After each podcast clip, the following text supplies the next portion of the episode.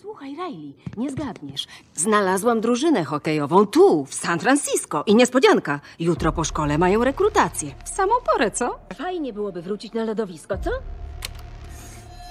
O tak, brzmi fantastycznie. No, opowiadaj, jak tam w szkole?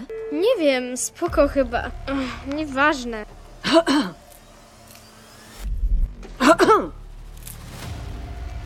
A, no, y, Riley, jak tam w szkole? Super, jak zwykle, okej? Riley, wszystko w porządku? Riley, co to za odzywki do rodziców? O co ci chodzi? Weź daj mi spokój! Naprawdę nie wiem, skąd u ciebie ten kompletny brak szacunku nagle. Zamknij się, no! Dosyć! Marsz do pokoju! Teraz! Tupnęliśmy nogą? Tupnęliśmy nogą! No, to była masakra. Witam serdecznie w podcaście Cień Józefa. W podcaście o nas, o mężczyznach. Takich, jakimi jesteśmy i jakimi chcielibyśmy być. Nazywam się Karol Sęk. Zapraszam Was na wspólną drogę do odkrywania i zgłębiania tajników powołania, jakim jest ojcostwo. To, co słyszeliście na początku nagrania, to jest fragment filmu W głowie się nie mieści. Filmu, który bardzo dobrze traktuje o tym, w jaki sposób działają w nas emocje, który w opisowy sposób przedstawia, jak pewne sytuacje w życiu działają na to, co dzieje się w naszej psychice, a szczególnie w psychice nastolatka czy nastolatki, ponieważ bohaterką tego filmu jest 12-13-letnia Riley. W tym momencie, w którym się znajdujemy w filmie, doszło do kilku takich kluczowych, fundamentalnych sytuacji w jej życiu, które powoli odcinają poczucie radości i poczucie bezpieczeństwa. Dzisiaj właśnie chciałbym się na tym skupić. Chciałbym skupić się na tym, jaki wpływ domu jest na poczucie bezpieczeństwa i dobre samopoczucie nastolatków. Przy tym od razu chciałbym zaznaczyć, że nie moją intencją jest skupianie się na tym, żeby omówić, jak wszystko podać naszym nastolatkom na tacy, ale pokazać, jak bardzo ważnym miejscem jest rodzinny dom w tej bardzo trudnej fazie, w jakiej znajdują się nasze, nasze nastolatki. Te wskazówki, czy pomysły, czy sugestie, które dzisiaj zawieram w moim odcinku, bazuje na swoim doświadczeniu, na doświadczeniu swojego ojcostwa, naszego rodzicielstwa, naszego domu rodzinnego, ale też na kilku publikacjach, które miałem okazję przeczytać, z podcastami, które miałem okazję wysłuchać właśnie w tym temacie.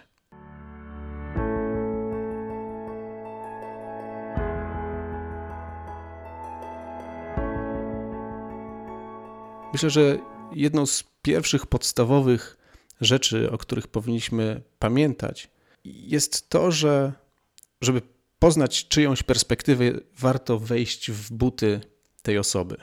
Czyli wejdźmy w buty naszego dziecka w domu. Spójrzmy na świat ich oczami. Jakie stoją przed nimi wyzwania? Co mają za sobą dzisiaj w ciągu dnia? Co przeżyły? kiedy wracają już do domu, kiedy są już w swoim pokoju, kiedy są zamknięte albo kiedy milczą przy, przy obiedzie. Dlaczego tak jest? Jakie mogą być przyczyny ich samopoczucia? Kolejną rzeczą jest to, żeby zadać sobie pytanie, czy w tym kontekście mają w nas oparcie. Czy ty, kiedy widzisz swojego nastolatka, swoją nastolatkę w takim czy innym stanie, czy dajesz jej przestrzeń do tego, żeby właśnie to czuła? I czy wysyłasz sygnał taki, że jesteś z nią, czy jesteś z nim, niezależnie od tego, czego od ciebie, niezależnie od tego, czy ma to być postawa czynna, czy bierna. Mam wrażenie, że bardzo często my, jako rodzice, chcielibyśmy załatwić pewne sprawy, które są w naszym domu, które się dzieją w naszym domu, które dzieją się z naszymi dziećmi, mm, że włącza się taki nasz aktywizm. Usłyszałem taką ciekawą y, sugestię jednego z rodziców, który mówi, że kiedy widzi, że dzieje się coś z jego dziećmi, to zadaje takie pytanie: czy A. Potrzebujesz mojej pomocy, żeby rozwiązać ten problem? B. Czy potrzebujesz kogoś do rozmowy, żebym cię wysłuchał? Czy C. Czy chcesz, żebym cię zostawił w spokoju? I oczywiście zadawanie tych pytań może przy, przybrać inną formę albo różne inne formy, natomiast chodzi o pewne zjawisko. W jaki sposób podchodzimy do tego y, tematu oparcia dla naszych nastolatków, dla naszych dzieci? Czy nie przytłaczamy ich swoją osobą? Czyli wejdź w buty swojego dziecka i daj sygnał, że jesteś dla nich oparciem, jeżeli oczywiście tego potrzebują.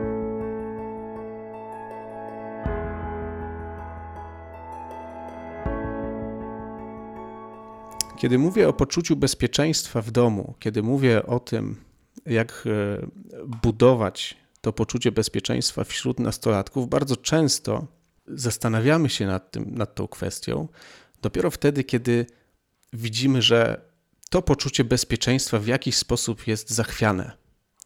Kiedy coś się dzieje, kiedy łódka się zaczyna chybotać. Więc warto może zwrócić uwagę na to, jaka jest atmosfera w domu. Jaka atmosfera w domu panuje, która może wpływać na poziom stresu u nastolatków. Niekoniecznie być jego przyczyną, ale może się w jakiś sposób przyczyniać. Niekoniecznie my musimy dzisiaj być przyczyną stresu dla naszych dzieci, ale coś, co funkcjonuje od dawna, albo od zawsze, albo od jakiegoś czasu, być może powoduje coś, co wpływa na to, jak nasze dzieci się czują. I teraz dom powinien być miejscem, gdzie nasze dzieci, gdzie nastolatki znajdują schronienie od codziennych wyzwań. Może nam się wydawać, że co takiego e, nasze dzieci muszą przechodzić, żeby miały znajdować schronienie w swoim domu. Wstają rano, jedzą śniadanie, idą do szkoły, wracają, jakieś tam zajęcia mają pozalekcyjne. Co takiego może się dziać, co miałoby spowodować utratę poczucia bezpieczeństwa albo brak takiego poczucia komfortu? No to zastanówmy się w takim razie, z czym mierzą się nasze, nasze dzieci. Wstają o godzinie, o której w zasadzie my też mamy problem wstać. Ale wstają, idą do szkoły. Bardzo często w trakcie podróży do szkoły bombardują się informacjami, do których albo się porównują, jeżeli chodzi o zachowania, jeżeli chodzi o relacje, jeżeli chodzi o modę, jeżeli chodzi o osiągnięcia i sukcesy, jeżeli chodzi o lajki, jeżeli chodzi o serduszka. W międzyczasie dochodzą do nich informacje o wojnie, o atakach terrorystycznych, o gwałtach, o wyborach, o kolejnych kłótniach politycznych. W międzyczasie prowadzą rozmowy na grupach klasowych i grupach z innymi swoimi znajomymi, które nie zawsze są proste. Więc tymi treściami młodzież karmi się jeszcze zanim dotrze do szkoły. W szkole natomiast, oprócz tego, co już przeszły, oczekuje się od nich, że przez najbliższych 7, 8, 9 godzin będą przez 45 minut skupione na tym, czego wymaga dany nauczyciel przedmiotu, będą to notować, będą to jednocześnie umieć, po to, żeby na następnej lekcji móc w dosyć E, jasny bądź zadowalający nauczyciela sposób móc tą wiedzę w teorii przynajmniej nabytą, móc się nią wykazać. Po tym czasie wracają do domu, ponieważ e, w zasadzie wiele rzeczy mogło już się zmienić od rana w świecie wirtualnym. Tak, media społecznościowe znowu idą w ruch. I dokładnie to samo się powtarza po powrocie do domu często y, nikogo nie ma w domu, a nawet kiedy, kiedy, kiedy są y, domownicy w domu, rodzice, rodzeństwo, w zasadzie idziemy dalej w świat wirtualny. Teraz w zasadzie z lekkim poczuciem bezsensu, bo dalej będziemy scrollować. Cały czas ta dopamina działa, cały czas dopomina się o to, żeby ją karmić, żeby ją wyzwalać. Więc te, te przyzwyczajenia, te odruchy powodują błędne koło takiego otępienia, poczucia irytacji, poczucia zmęczenia, poczucia niechęci. I w tym momencie, jeżeli w ogóle jest taki zwyczaj, domownicy zasiadają do stołu. No właśnie. No i dochodzimy do tej sytuacji, która miała miejsce na początku tego odcinka. Nasza młodzież potrzebuje schronienia.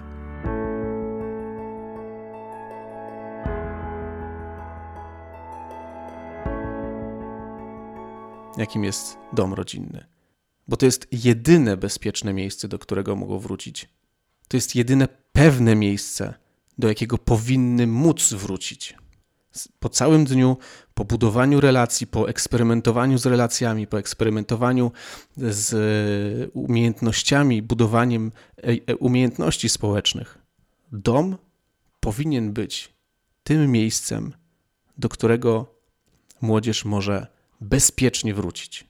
My, jako rodzice, z kolei powinniśmy zastanowić się, czy w jakiś sposób nie przyczyniamy się do problemów swoich dzieci. Czy z drugiej strony nie powinniśmy ich jakoś, w jakiś sposób łagodzić.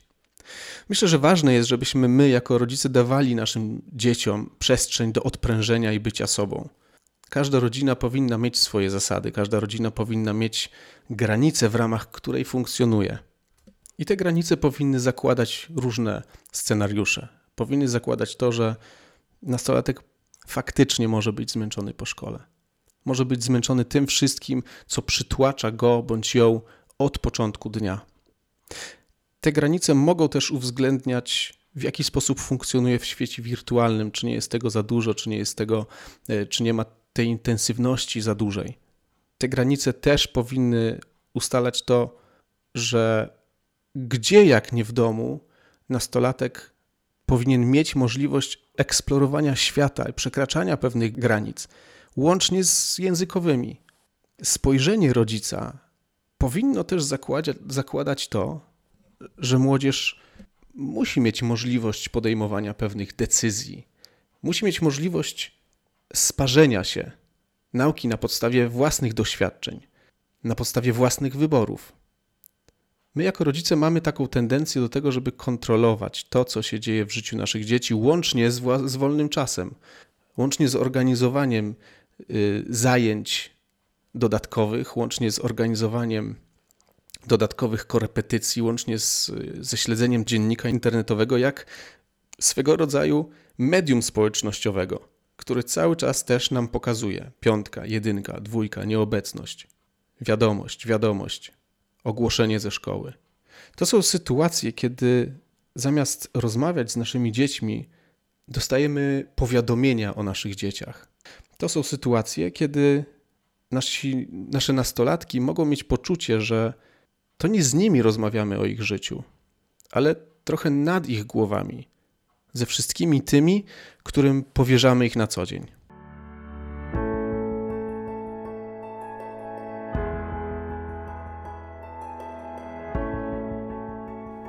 A może jako rodzice powinniśmy czasami sobie pomyśleć, czasami pomyśleć i założyć coś takiego: oczekuj nieoczekiwanego.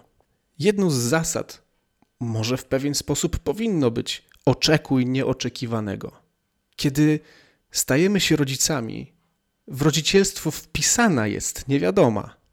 I może nam się wydawać, że w pewnym momencie, kiedy nasze dzieci już zaczynają mówić, kiedy zaczynają komunikować swoje potrzeby, ale zaczynają przede wszystkim rozumieć to, co do nich mówimy, że to jest ten moment, kiedy my możemy zacząć lepić nasze dzieci, kiedy możemy z nich robić te twory, które będzie nam wygodniej wychowywać. I kiedy te nasze twory zaczynają już mówić coraz może bardziej rozsądnym głosem, albo może właśnie nierozsądnym, ale coraz bardziej dobitnym i klarownym, możemy mieć poczucie, że te nasze plastusie zaczynają wymykać nam się spod kontroli, a przecież my je lepimy, my wiemy, co dla nich jest dobre. Wiemy też, jakie na świecie panują zagrożenia, przed którymi chcielibyśmy je ochronić. Oczekuj nieoczekiwanego. Wiedz, że nieoczekiwane albo to, czego byś nie chciał, żeby Twoje dziecko doświadczyło, niestety najprawdopodobniej będzie przez nie odkryte. I co w tym momencie? Mój poprzedni odcinek traktował o tym, żebyśmy byli dla naszych nastolatków jak trenerzy. Mówiłem, opisywałem, kim jest trener, opisywałem zjawisko, kim trener w życiu nastolatków powinien być, a szczególnie w życiu naszych dzieci. I moment oczekuj nieoczekiwanego daje dzieciom, daje, daje naszej młodzieży tą swobodę do tego, że wiedzą, że przejmowanie odpowiedzialności w życiu też może nieść za sobą konsekwencje, ale kiedy popełniają błędy, to, to też są ich konsekwencje. Myślę, że frustracja, z jaką my, rodzice, się mierzymy często, wynika z tego, że nie dość, że pilnujemy nasze dzieci, żeby czegoś nie zrobiły, to jak już coś głupiego zrobią, to mamy poczucie, że my musimy się z tymi konsekwencjami mierzyć. A czy nie jest trochę tak, że my powinniśmy być tam dla naszych dzieci w konsekwencjach, z którymi same się muszą mierzyć?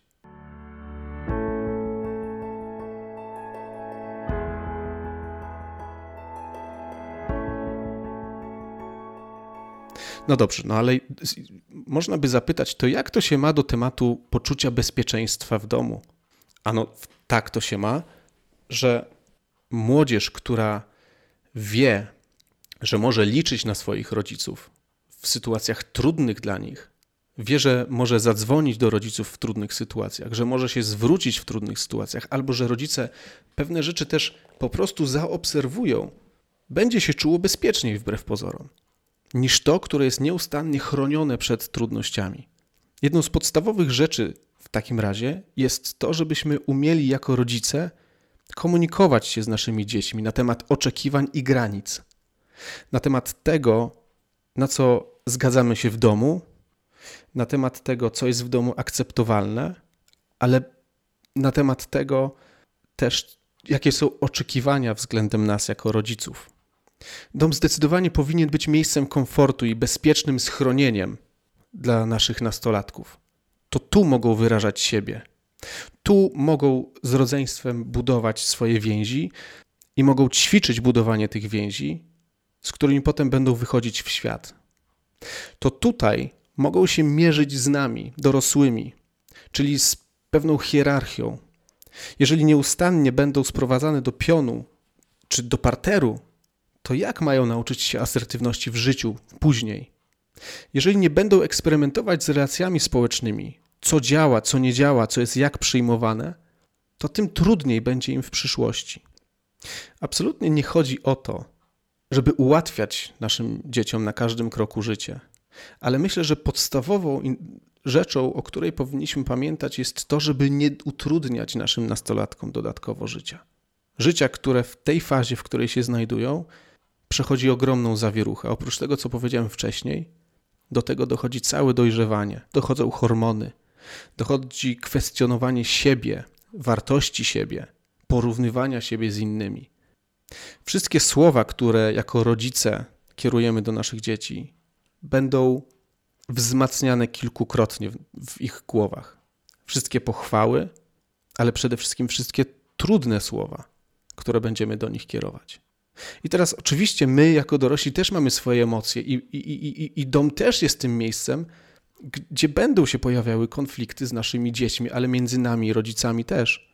Więc pokazywanie, w jaki sposób wychodzić z takich trudnych sytuacji, jest też budowaniem poczucia bezpieczeństwa. To, że konflikty są i będą, nasze dzieci będą wiedzieć i wiedzą, bo żyją w świecie, ale to, jak się wychodzi z konfliktu, to, że rodzice przepraszają, to, że przyznają dzieciom, że się uniosły, to, że staramy się kończyć dzień pogodzeni, jeżeli doszło do jakiejś trudnej sytuacji, jest kluczowe w tym.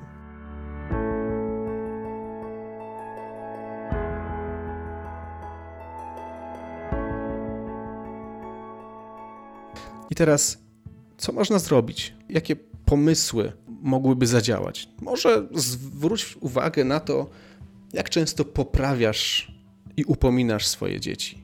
Jaka jest częstotliwość komentarzy negatywnych w stosunku do pozytywnych albo neutralnych? A może okazuje się, że jesteśmy tylko instruktorami, którzy pokazują, co dzieci powinny zrobić i mówią, jak zrobiły coś źle i dlaczego zrobiły coś źle. Rodzice powinni zadbać o to, żeby ich oczekiwania były rozsądne, ale też, żeby były zrozumiane przez dzieci żeby to było jasne, żeby nie było niedopowiedzeń. Pamiętajmy o tym, że jeżeli mamy pewne oczekiwania i one są niewypowiedziane, to jak druga osoba ma się domyślić, że coś miało być zrobione? Warto raz na jakiś czas, może wieczorem, wtedy kiedy już atmosfera się wycisza, rozmawiać z dziećmi na temat tego, jak się czują, jak się czują w domu, ale zadać pytanie, które, które jest pytaniem konkretnym, które nie jest pytaniem w zasadzie z tezą, albo pytaniem, które nie wymaga odpowiedzi, jak było w szkole na przykład. Więc jak się czują w domu? Co może pomóc im uniknąć konfliktów i napięć? Starajmy się też nie być nadmiernie surowi. Starajmy się znaleźć równowagę między narzucaniem zasad, a dawaniem dzieciom przestrzeni do rozwoju. Przestrzeni też do rozwoju na ich warunkach.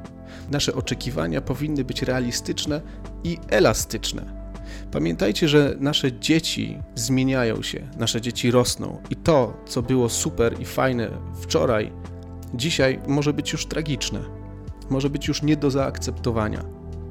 Pamiętajcie też, że nasze dzieci w tym wieku mogą bardziej cenić sobie opinię kolegów niż waszą, ale to jest przelotne. Ostatecznie, jeżeli będziemy spójni w tym, jak żyjemy, jeżeli będziemy spójni w przekazie i w życiu, to zawsze będziemy mieli przewagę nad światem, w którym funkcjonują nasze dzieci.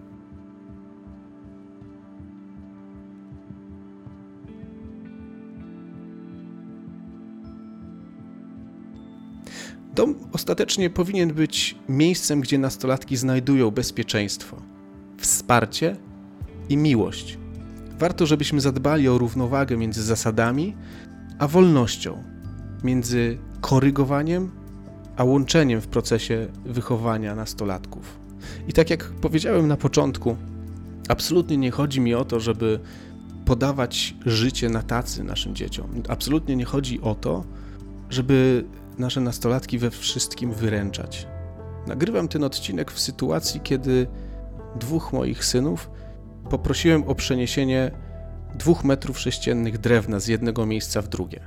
Nie spotkało się to z entuzjazmem, ale wiem, że nie był to nakaz, nie był to przykaz, a zadanie zostało wykonane. Myślę, że warto te wszystkie punkty odnieść do siebie. Warto, żebyśmy zastanowili się, jak było u nas, jak było w naszym domu rodzinnym. Czy nie jest coś, przed czym my panicznie uciekamy, jako rodzice? Ale przede wszystkim odnieśmy to do tego, jak sam odbieram dom rodzinny, ten, w którym się teraz znajduję. Na ile jestem w nim swobodny, na ile dobrze mi się do niego wraca. Czy nasze nastolatki dobrze się czują w domu rodzinnym?